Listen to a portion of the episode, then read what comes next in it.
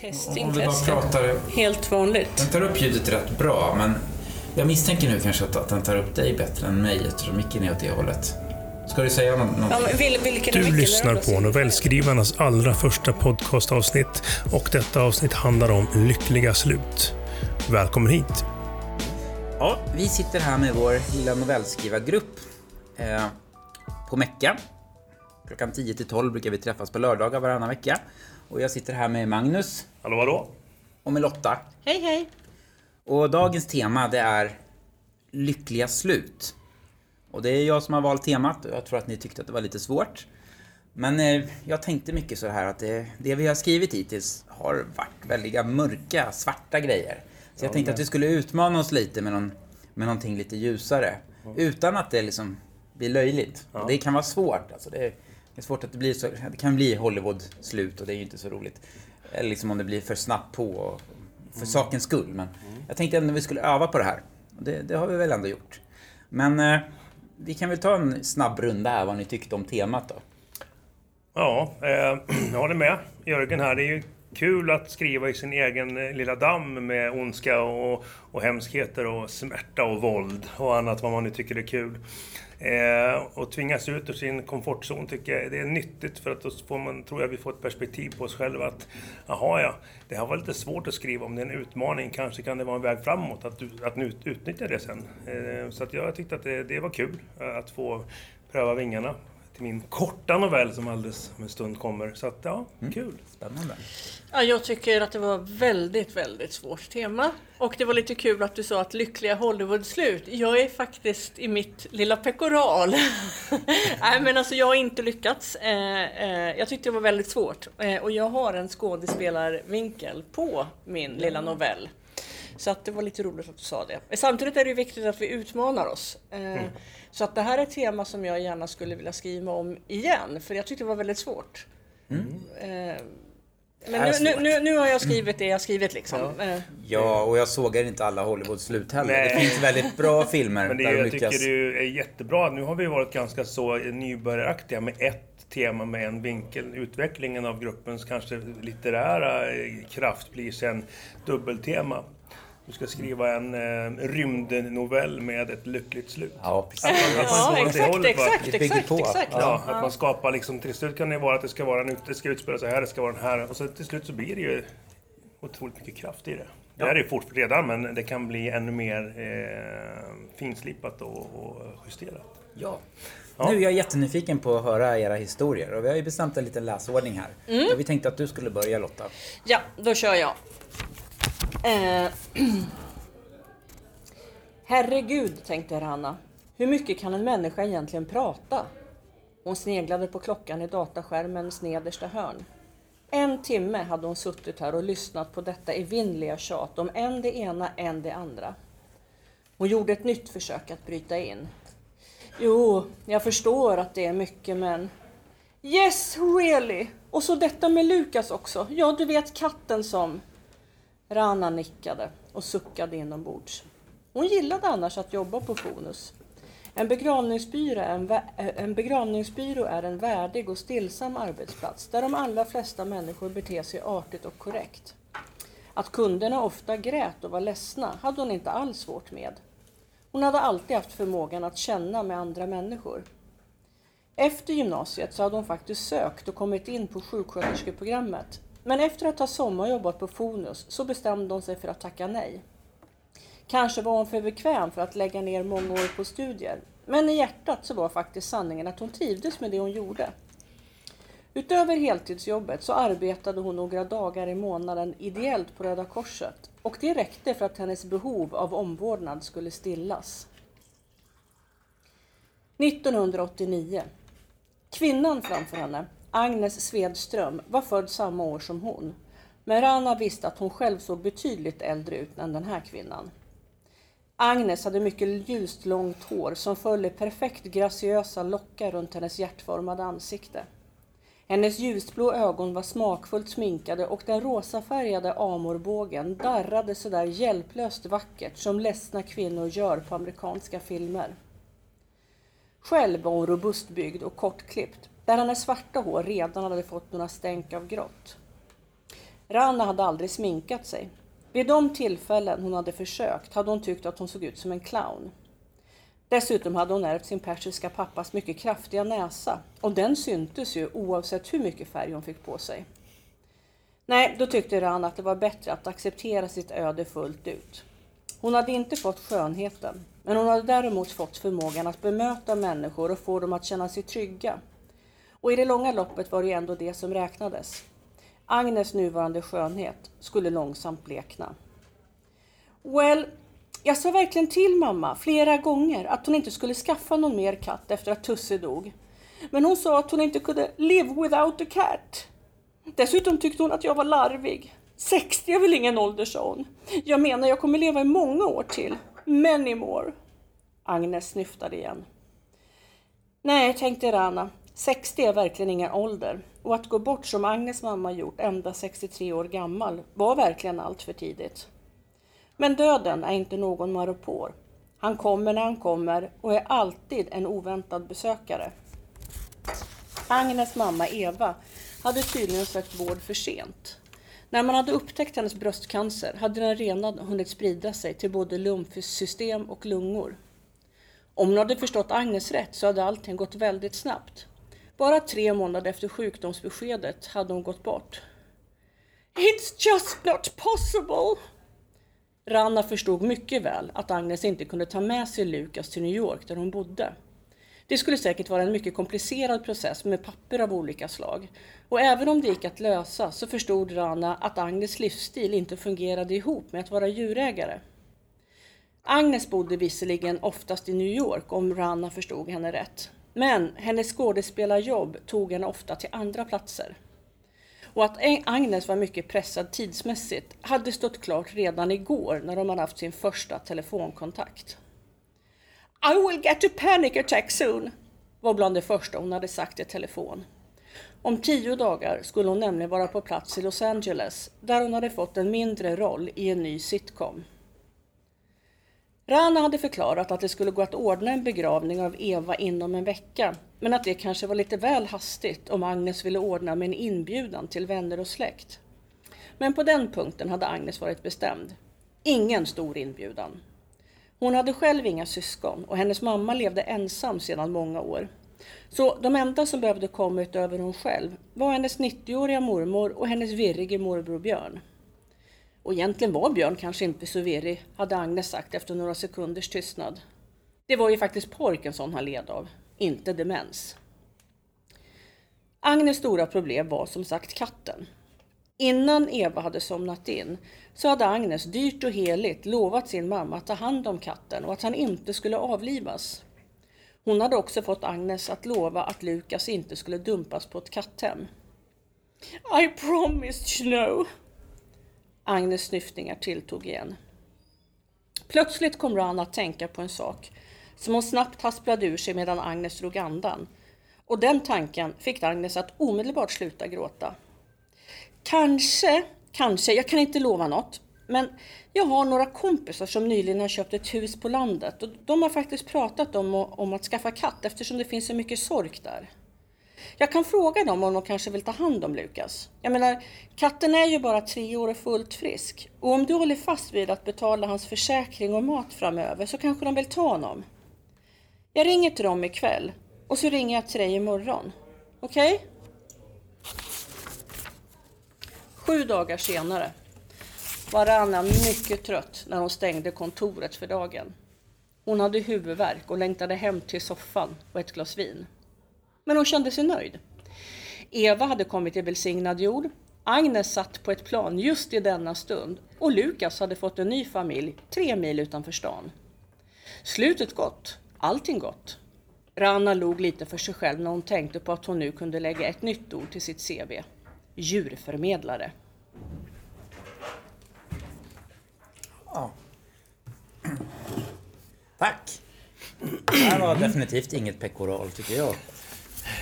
Nej men det var väl ett... Ehm, det var väl en, eh, en sån här en riktigt ett frimärke ur en verklighet på något vis. Att man, liksom, det händer en massa saker och all, allt är liksom, en del är riktigt mörkt men i mörkret finns det ljus. Som det här med att man ska iväg till Los Angeles och spela in en tv-serie. Katten ska lösas, begravningen ska lösas. Till slut löses ju de här sakerna så trådarna kommer tillsammans. Ja, och det är ju mycket fler sådana ögonblick egentligen i livet som, som, som går bra än som går dåligt. Jag menar, det här är ett exempel på det. Liksom. Ja.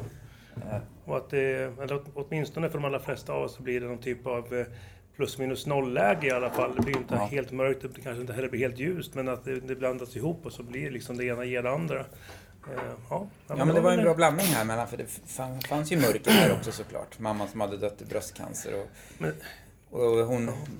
Kanske mellan raderna att relationen mellan mamman och dottern inte var 100 procent. Mm. Dottern är ju mer fokuserad på, på katten ja. än, på än på mamman känns det som, att sörja mamman. Ja, så det finns ju saker där som, som oroar ändå liksom.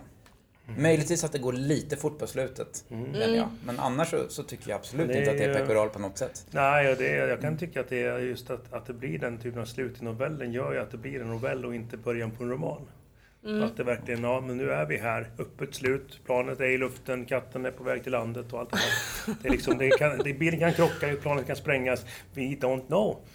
Jag tycker det är bra. Ehm, det, liksom, det, ja. det flyter på. Det... De är ju kontraster mot varandra också, de här två. Ja. Ran och Agnes. Det, det är en spänning i, i novellen. Liksom. Man behöver inte vara så dramatiskt alla gånger. Utan det kan mm. ibland vara att, att sätta människor mot varandra och skildra en vardaglig situation, som i det här fallet. Mm. Det räcker ju långt ja. med en novell, tycker jag.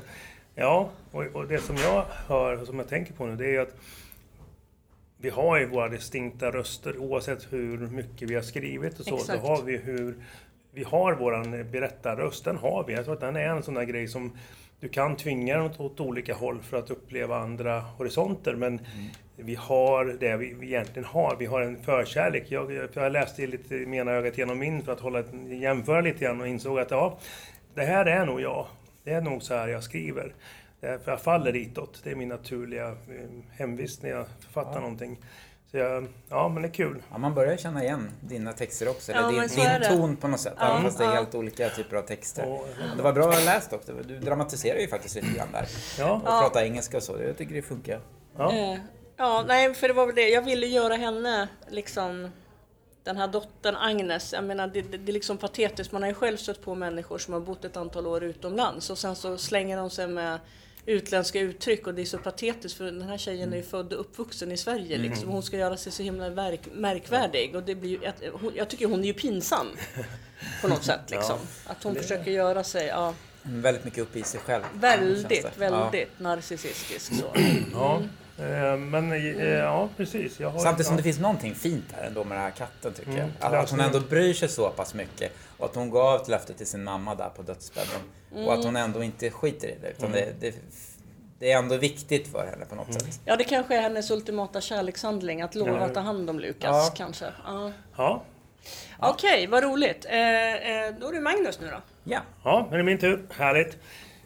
Då så. Eh, jag brukar ju ha vanan att på något sätt leda in i mitt, mitt, min tanke kring mina berättelser och det tänker jag att jag fortsätter med för att det är en, start, en startsträcka för mig själv, tänker jag. Eh, min vana trogen så väntade jag länge med att börja skriva. Men jag kände att, det, att huvudet liksom var, var där och nosade och, och pekade, petade lite. Och hur ska jag, hur ska jag, vad är lycka liksom? Och det, det är ett så otroligt stort begrepp. Eh, och sen när jag satte mig ner i, igår kväll då, fredagen där, eh, då kom det. Då skrev jag klart den på 15 minuter. Så var det färdigt. Jag gick tillbaka en gång och justerade en sak och sen så var jag, jag var nöjd där. Eh, och då med, med, med, det jag ville ha sagt. Så eh, här kommer den. Den, den är eh, både mörk och ljus kan man väl säga. Så häng med nu.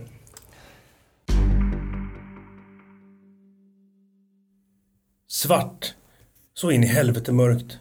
Det rev och slet i hans ansikte och kylan, nattkölden, höll på att krama livet ur hans nedkylda kropp. Han snavade, kantrade och sicksackade mellan vad som verkade vara stenblock som förrädiskt låg utspridda framför honom i mörkret. Fötterna kändes som betongklumpar och helvetets eldar brann i både lår och lungor. Trots det vrålade han sig igenom svärtan, framåt, framåt. Ingen tvekan, det skulle inte misslyckas. Det fick inte misslyckas. Då var allt över. Panik. Smaken av metall i munnen. Blödde han? Hade han skadat lungorna i det svarta, kalla, Eller var det bara inbildning? Det gick inte att stanna upp och ta reda på det. Han hade inte tid. Den lilla respit han trodde sig ha vunnit när han styrde in på genvägen. Den korta resväg som skulle ge honom andrum var alltför dyrbar för att gamla bort. Näsan rann, ögonen sved och halsen drog ihop sig och det gjorde det svårt att andas. Blodsmaken, den där metalliska, vidriga smaken gav inte med sig. Men det gav han fan i. Istället för att sakta ner ökade han takten och ursinnet stegrades till förut ej uppnådda höjder. Han hade kunnat springa upp för Eiffeltornet och stått triumferande på toppen. Om han bara hade varit i Paris. Rörelser i mörkret. Ljudet av en kedja som löpte genom en stålring skrämde honom oerhört och fick hjärtat att slå fyrdubbla slag i den nu krampande bröstkorgen. Det skymtade fram en siluett.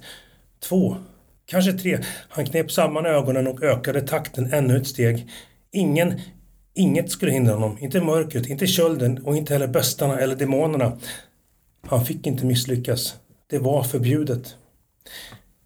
Grottöppningen skymtade i det becksvarta. Något ljusare där. Det oändliga mörkret som omslöt allt visade ändå så pass mycket. Han duckade under något som hängde i luften ovanför honom och kastade sig ner i grottan. Fötter gled, halkade och den febrila kampen för att finna fäste förlorades. Han föll ner i mörkret. Det kändes som en evighet, säkert. Men till slut träffade han marken, med fötterna först. Han ägnade en kort sekund åt att förundras över den sagolika tur han just upplevt. Men faran, rädslan och paniken drev honom framåt. Kylan var mindre påträngande i grottan, men det stank. Gravöppning och piss. Han kippade efter andan och drog upp jackan för näsan. Ögonen tårades och det lilla ljus som fanns försvann. Den minimala tur han hade åtnjutit när han landat på fötterna istället för på ansiktet hade ändå dröjt sig kvar. Precis innan han förlorade mörkerseendet på grund av tårfyllda ögon hade han sett öppningen till höger, något längre fram. Han ökade farten och kände hur den stinkande luften rev honom i ansiktet outhärdligt. Med ett vrål av frustration kastade han sig in i öppningen. Det smärtade till, vänster knä slog emot något och han skrek igen. En trappa! Han hade sprungit rakt in i en trappa. Hoppet tändes inom, inom honom. Ett svagt hopp som sakta växte sig starkare. Som lyktorna på en bil som kommer runt en krök i vägen och som sedan blir större och större. Han sökte med blicken och mungiporna drogs uppåt i ett stort leende. Han skulle klara det. Med tre starka kliv avslutade han trappan och kom upp på en platå. Och där stod regionaltåg 10248. Han hade inte missat det. Han skulle hinna till Stockholm i tid och han skulle hinna till hovet och han skulle ta med fan hinna in på ståplats och han skulle stå där på Apberget och sjunga för Djurgården i 3x60. Sjung för gamla Djurgården nu. Lyckan spred sig i hans sinne när han sjöng ner, sjönk ner i sätet på vagn 4. Mobilen förkunnade att Jakob Josefsson var klar för spel och att Jasons revbensskada hade läkt. Nu skulle inget stoppa Djurgården. Ja.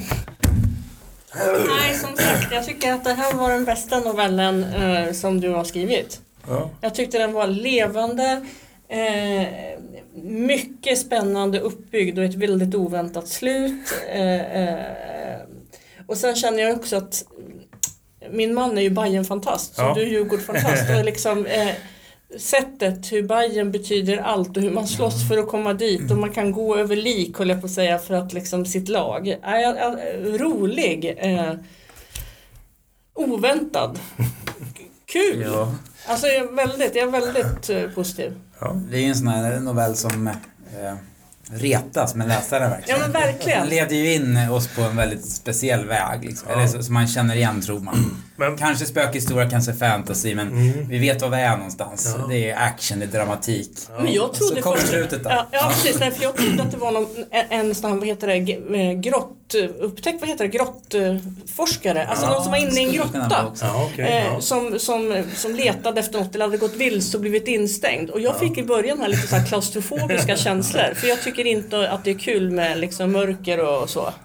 Nej. Nu måste jag stänga av min mobil. Det var Ja. klantigt av mig. Nej, jag tyckte det var skitrolig var det. Ja, nej men det är tanken med, eh, med det var ju att på något sätt låsa in eh, berättelsen i en ganska så, eh, ja ska man säga, en ganska så tajt eller liksom, eh, plats. Vi, kan, vi väntar på Lotta där så kan vi snacka om annat. Den kan gå där. Det är, det är poddigt ju. Ja, vi kan, vi kan Ehm, fortsätta ändå. Ja, och så, eh, så kan hon vara med lite på, på resonemanget där för att hon, hon var ju tvungen att ta det här. Eh, men så är verkligheten. Eh, men just det där med att skapa någonting som, som på något vis driver sig självt. För att det, är lite grann det som, som jag kan tycka är författ, författande för min del. Det är att hitta... Eh, för att ge en bild, om du har sett eh, Hitta Nemo. Det har du gjort? Ja. När sköldpaddorna reser med den här strömmen. Mm. Och för att komma till, det är ungefär så jag tänker. Att när du väl lyckas kroka fast i den idén som du vill förmedla och sen skriver i, det tempot som du behöver så kommer ju mycket av det som du vill ha sagt ut där och då så som det är tänkt att du ska skriva det. Utan alldeles för stor eftertanke. Eh, all, all, du vet det här skrivångesten eller blir det här bra nog? Den här tveksamheten. Man, man kommer undan det liksom. Man bara skjuter ut det. Ser ur. Ja, men så brukar det funka ganska ofta för mig också. Mm. Men jag tänkte, det här mörkret och de här stenblocken Ja. och sådär. Ja. Vad är vi någonstans? Vi, vi, Eh, alltså, vi är han- ett tåg. Ja. Han springer på en cykelväg, typ. Det är mörkt, Ah. lamporna kanske inte funkar, det är mörkt. Eh, det är totalkanter han snubblar på, han, eh, han är tvungen att parera sånt som han har inte tid att upptäcka sin, eller hon, spelar ingen roll, han eller hon, eh, har inte tid att, att upptäcka sin omgivning. Han har ett singulärt fokus, han måste hinna med tåget för att ta sig till Stockholm. Och det är jätteviktigt, det är en människa som brinner för sin sin eh, grupptillhörighet och som kanske har Ja. en central roll i, i det. Kanske ska stå på räcket och leda klacken eller vad som helst. Ja, Så att det. eh, allt som han stöter på på vägen eh, ser han bara som monster, demoner som, Ja, som försöker ja. hindra honom. Någon Han har ju typ fantasi också. Det känns ju nästan som att han kanske är lite i någon egen typ av biografisk? fantasyhistoria. Är det där du? Nej, absolut inte. Jag kör bil. Eh, så att, eh, nej, men för jag, jag tänkte det att liksom, eh, ett lyckligt slut. För det, vi har pratat, jag har pratat med en del författare genom och Mm. dig bland annat och sen även andra. Och det som verkar vara genomgående det är att starten på ett ungefär men också slutet definitivt har man hyfsat klart för sig. Vad är det jag vill, vart vill jag eh, hamna någonstans? Men det är inte hundraprocentigt klart heller. För att början var, ja men okej, direkt in i det, in medias res, smack bara. Ja, det var Och väldigt dramatiskt. Sen, och sen tänkte jag, han ska upp på perrongen. Och, och det hade jag klart för mig. Sen hade jag inte bestämt vart han skulle någonstans, eller, eller, hon, eller berätta, eller huvudpersonen. Men vägen dit skulle vara liksom från kaos och, och rädsla och, och mörker till det där, det där stora Ja. ljuset som kommer på slutet. Och det Men när han, när han hoppar och, och, och ramlar där, vad, vad är han då någonstans? Eh, nej, men det, då är han ju, om ni tänker att man, man kommer mot, eh, ner mot eh, järnvägsstationen i Nyköping Ja. så är det ju en, eh, en liten gångväg och sen är det en Exakt. tunnel ner. Ja. Där är han. Ah, ja. Jag säger han nu, så kan vi väl välja att det är en han. Han ser den och han slänger sig ner i den. Och han halkar då naturligtvis och, och tumlar Ja, ner. just just. Men landar där nere på fötterna. Och sen springer han och så längre fram så ska man ju upp till höger va? Visst är det så? Ja. Och han ser ju att det är lite ljusare där så han öser ju på liksom. Ja. Och kastar sig in och slår i knät i, eh, i trapporna och sen så han då där uppe så springer han upp och så bara yes! ja. Lite grann som en triumf där. Och Liksom. lamporna kanske är trasiga där i den där lilla tunneln. Ja, eller så är han fullkomligt o... Han är ouppmärksam i liksom hur, eh, hur hon... eh, Eller hur, hur det ser ut. Han trampar Ja. bara på liksom. Han är inte så... ehm, han är omedveten om sin, sin omgivning. Det är det han är. Han, han, han reagerar inte. Han är så fokuserad på att ta sig framåt så att allting blir ett töcken. Det är säkert ljus. Det är men sen tycker jag också det är så spännande, om man nu tänker den där bilden i, i gångtunneln vid Nyköpings station där, Mm. eh, som du berättar om, så är det ju väldigt många saker han, han hinner tänka och känna. Mm. Men det är ju så som hjärnan är kan jag tänka, för ibland när man är så fokuserad, man, man kan ju ibland tänka väldigt lite för man är blank, men man kan också på den där korta sträckan nerför trappen där inne i den där korta tunneln känna panik och liksom det bara rusar. Liksom. Så att, alltså, jag kände det trovärdigt. För där, är man stressad och, och vill något och man är på väg någonstans, bara, vad gör jag då om jag inte lyckas? Och det får inte misslyckas och nu ska. Ah, så. Ja, det, det är intressant. Det är lite så här också att, att uh, djuret i människan Ja, kommer så. fram i sådana situationer. Det här handlar Exakt. bara om att komma på ett tåg, Ja. men, men det fattar ju inte kroppen och hjärnan riktigt. Nej, Eller det, det här på stresspåslaget gör så att det nästan är tillbaka på Jag ska fram. stenålder. Så Liksom. vad tror ni om... För jag, jag skrev in en, två, tre silhuetter av personer såklart. Eh, och en stålkedja som löper genom en, en eh, stålring eller liknande. Vad tror ni det är? Det är det han hör och uppfattar. Jag tänkte att det var en hundägare som gick med något koppel som skramlade eller något Ja. sånt där. Precis. Han springer förbi i, i hans töcken, Ja, det hans, hans gissade jag. stress på slag så är det en, en, en man eller kvinna med hund. Ja. Där hunden då reagerar på att han kommer i full fart och Ja. drar i kopplet. Ja. Så det blir det här. Och det blir ännu mer uppjagad. Bra, ja. bra. Ja, eh, jag börjar läsa direkt här då.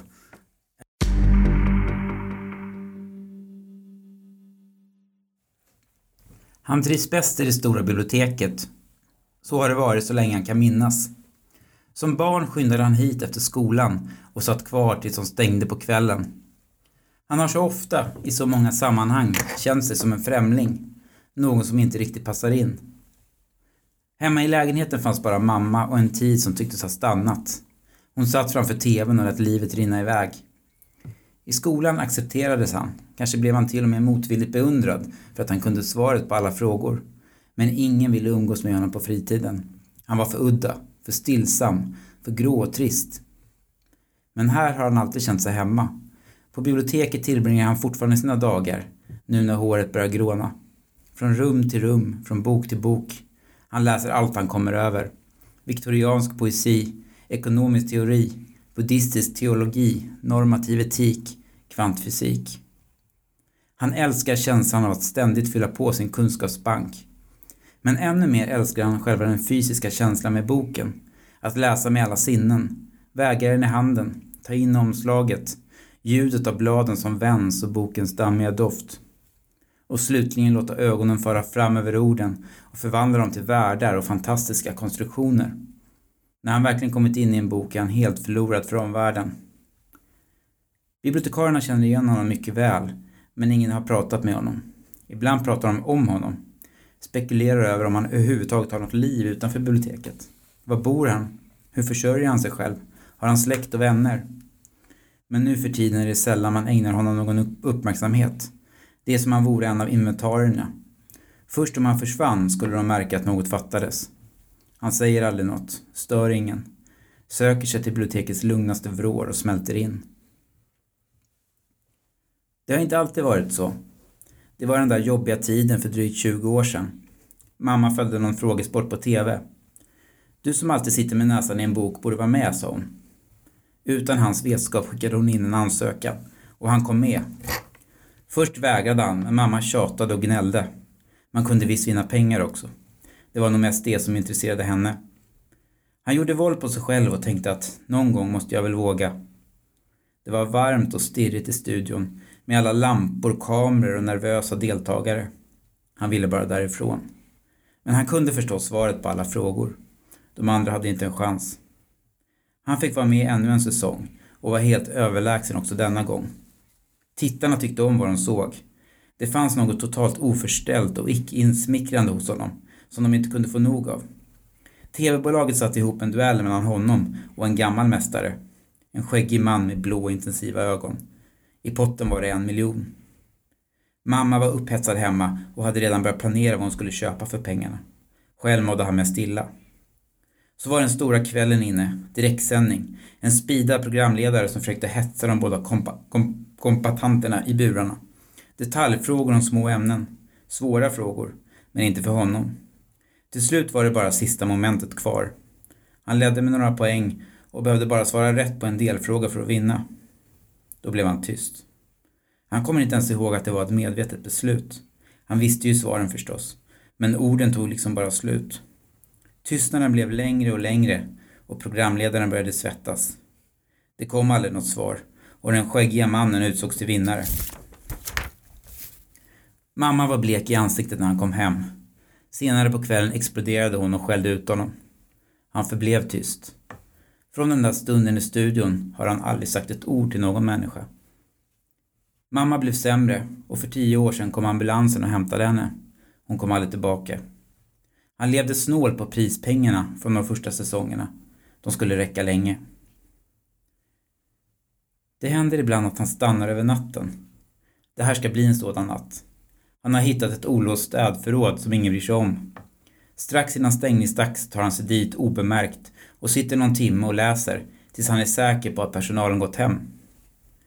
Sedan beger han sig försiktigt ut i det nedsläckta och folktomma biblioteket. Det vilar något spökligt över det, så här sent på kvällen i november. Lånedisken, som på dagen pulserar av ljud, står nu övergiven och tyst. Långa skuggor över golven. Där ute är det kolsvart, förutom gatlyktorna i parken som fåfängt försöker hålla stånd. Han går upp för trappan som leder till den skönlitterära avdelningen. Försöker gå så mjukt som möjligt så inte fotstegen ska eka. Det skulle på något sätt störa friden. Störa den sköra, tysta överenskommelsen med byggnaden. Där uppe kryssar han sakta fram mellan de höga bokhyllorna. Nästan smyger fram, försiktigt, lyssnande. Ibland kan han tycka sig höra låga viskningar eller hur ett blad sakta och eftertänksamt vänds. Då stannar han blickstilla och lyssnar. Men allt är tyst. Till synes på måfå drar han ut en bok och sätter sig på en stol vid det stora fönstret. Månljuset kastar ett blekt sken över bordet. En bit därifrån brusar staden på som vanligt. Han kan se ljusen från bilarna långt där borta, som gula rovdjursögon i mörkret. De kommer inte åt honom här. Om några timmar kommer det att bli alldeles tyst där ute. Om det är en stormig natt kanske vinden viner och regnet piskar mot fönstren. Han tar upp ett stearinljus och en liten stak ur jackfickan och tänder. Utifrån måste det te sig kusligt om någon skulle se denna orörliga silhuett sitta där uppe böjd över sin bok. Det är i sådana här tillfällen allt kan synas så vackert och oändligt. Han kan känna ett pirr i magen som stegras mot en sorts lyckorus. Det finns något mer, något större precis runt hörnet. En gigantisk hemlighet är kittlande nära att avslöjas. Något som skulle förändra allt människorna tror sig veta. Det är bara han och Schopenhauer och natten nu. Sakta vänder han blad. Han låter de sista orden sjunka in. Ett leende sprider sig över ansiktet. Det var sista pusselbiten. Allting hänger ihop nu.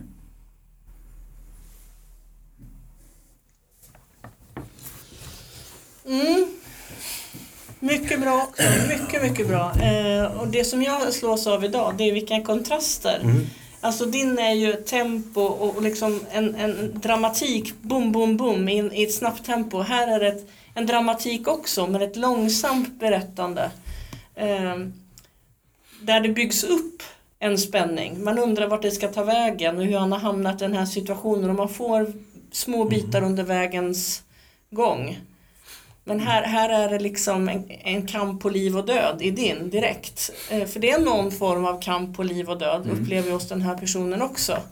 Hur han ska förhålla sig, han är lite udda, hur han, han tystnar morden och han känner sig lite utanför samhället på något sätt och försöker finna sig själv i, i, att vara udda och stå för det. Men ja, ja. ja fascinerande just kontrasterna. Ja. Jag tyckte det var... Över, överlag, alltså våra tre är ja. ju ganska olika, verkligen ja, spretiga. Väldigt, väldigt, väldigt ja. spretigt. Fast det är ju spännande att just att vi tolkar eh, de här uppmaningarna och temana på, på liksom olika sätt. Det är olika typer av lycka. Helt enkelt. Verkligen, för jag kan också känna igen mig i din karaktär. Den här fullständiga lyckan när man har läst en bok och på något vis tycker sig själv att man har förstått någonting. Mm. Alltså man har sett ett ljus, man har förstått. Eller när man pluggade på universitetet och mm. helt plötsligt så liksom nu har jag förstått vad den här kursen ja, handlar om. Oj jäklar! Ja. Var är det här? Aha! Ja, precis. Det, det, är det som är själva hjärtat av den här berättelsen. För jag är också en sån eh, väldigt eh, tydlig, eller som jag minns väldigt väl, när jag läste på Lunds universitet och bodde i Malmö och sådär. En, en sen, sen natt. Jag läste filosofi då liksom. Mm. En sån här liksom aha-upplevelse. Exakt. Liksom. Att det bara öppnar sig så. Bara, att den här, den här natten ja. kunde hålla på hur länge som helst. Det räcker liksom. Jag behöver inga människor. Jag kan, Nej, jag kan sitta här med den här filosofiboken och det räcker. Jag kände ju en fruktansvärt skön grej där som jag började tänka på när, när du läste upp den här. För att om man tänker sig att människans livsspann, oavsett om det är långt eller kort, på något sätt innehåller rent eh, filosofiskt ett visst antal ord. Vi har det med oss, vi har den ryggsäcken med, med sägningar med oss och sen mm. när, vi, när det är slut så, så, så tystnar vi och, och fejdar bort och blir ett med evigheten. Hans mammas eh, eh, tvång när hon tvingar honom in i den här stressade miljön där han då måste yttra så många sägningar under så komprimerad tid, då tar de slut. Och hans ord tar spännande. slut. Han har sen inget mer att säga utåt. Sen är han färdig med det. Och sen lever han bara på. Sen fejdar han ju ut. Han eh, blir en skuggperson som, sen, som inte interagerar med någon, något annat än det som redan har in, liksom skrivits. Jag tyckte det var så här, spännande, okej. så har inte jag tänkt men när du säger det så låter det väldigt sant. Jag tror att det är så i den historien. Och sen kände jag igen mig lite sådär utifrån vad min, min man har berättat om sig själv. Han var ganska udda som liten. Alltså Anders, jag menar, han, han var inte ute och partade så utan han var intresserad av klassisk musik och släktforskning. Mm. Det ägnade han sin fritid åt. Jag menar en annan var ute och söp och betedde sig ungefär. Nej men liksom. Kontraster där. ja, och, och, eh, så jag kände liksom lite Anders så, att han var lite udda. Mm. Ehm, och sen tänkte jag också att hans pappa då, min svärfar, han är ju, han är ju läkare men är också en erkänd eh, historiker och han, han har ju fått eh, om, vad är det den, och jag vet det så väl. Ehm, inte Erik den 14, ja men skitsamma, han är jätteduktig på några, ja. Och skrivit om helgonkällor och så, fast han är ju inte historiker då. Så samlar han ju också på mynt, så han är ju jätteduktig på, jag menar historia, han ville egentligen bli arkeolog min Ja, svärfar. ser. men, men det tyckte man inte var ett bra yrke. Så Nej. att han blev läkare istället. Eh, Så han var ju med, min svärfar, i en sån här frågeprogram. För att han kan ju Ja. så himla mycket. Alltså min svärfar är enormt allmänbildad. Och, och liksom, det, han är som ett uppslagsverk om allt. Men när han kom till den här, och han tycker det är så pinsamt fortfarande. Då blev han helt Alltså han blev så stressad i den där situationen och liksom ljuset på. Så han tystnade, han sa ingenting. Har vi honom. Ja. Så att jag, jag kände liksom från två närstående till mig så liksom kunde jag också identifiera. Ja, alltså, så så det, det var lite kul. Så jag fick många associationer. Och det är lite kul också eftersom numera så är ju Anders, han är fortfarande intresserad av att älska klassisk musik och släktforskning men numera dricker han ju också lite bärs och har blivit Ja. fotbollsfantast. Ja, Ja. Ja, men liksom just att jag kände igenkänningsfaktorer i era Ja. två noveller till mina Så liksom det slår an en, någon typ av, det öppnar tankar där i lyssnaren. Jag tycker att det här är en, jättespännande Ehm, träff idag. det är ju, ja, och det är ju de här metaforerna, rovdjursögonen, de här billyktorna som rör sig likt rovdjursögon och så vidare. Ehm, och de här bilderna som du målar upp. Så jäkla fint.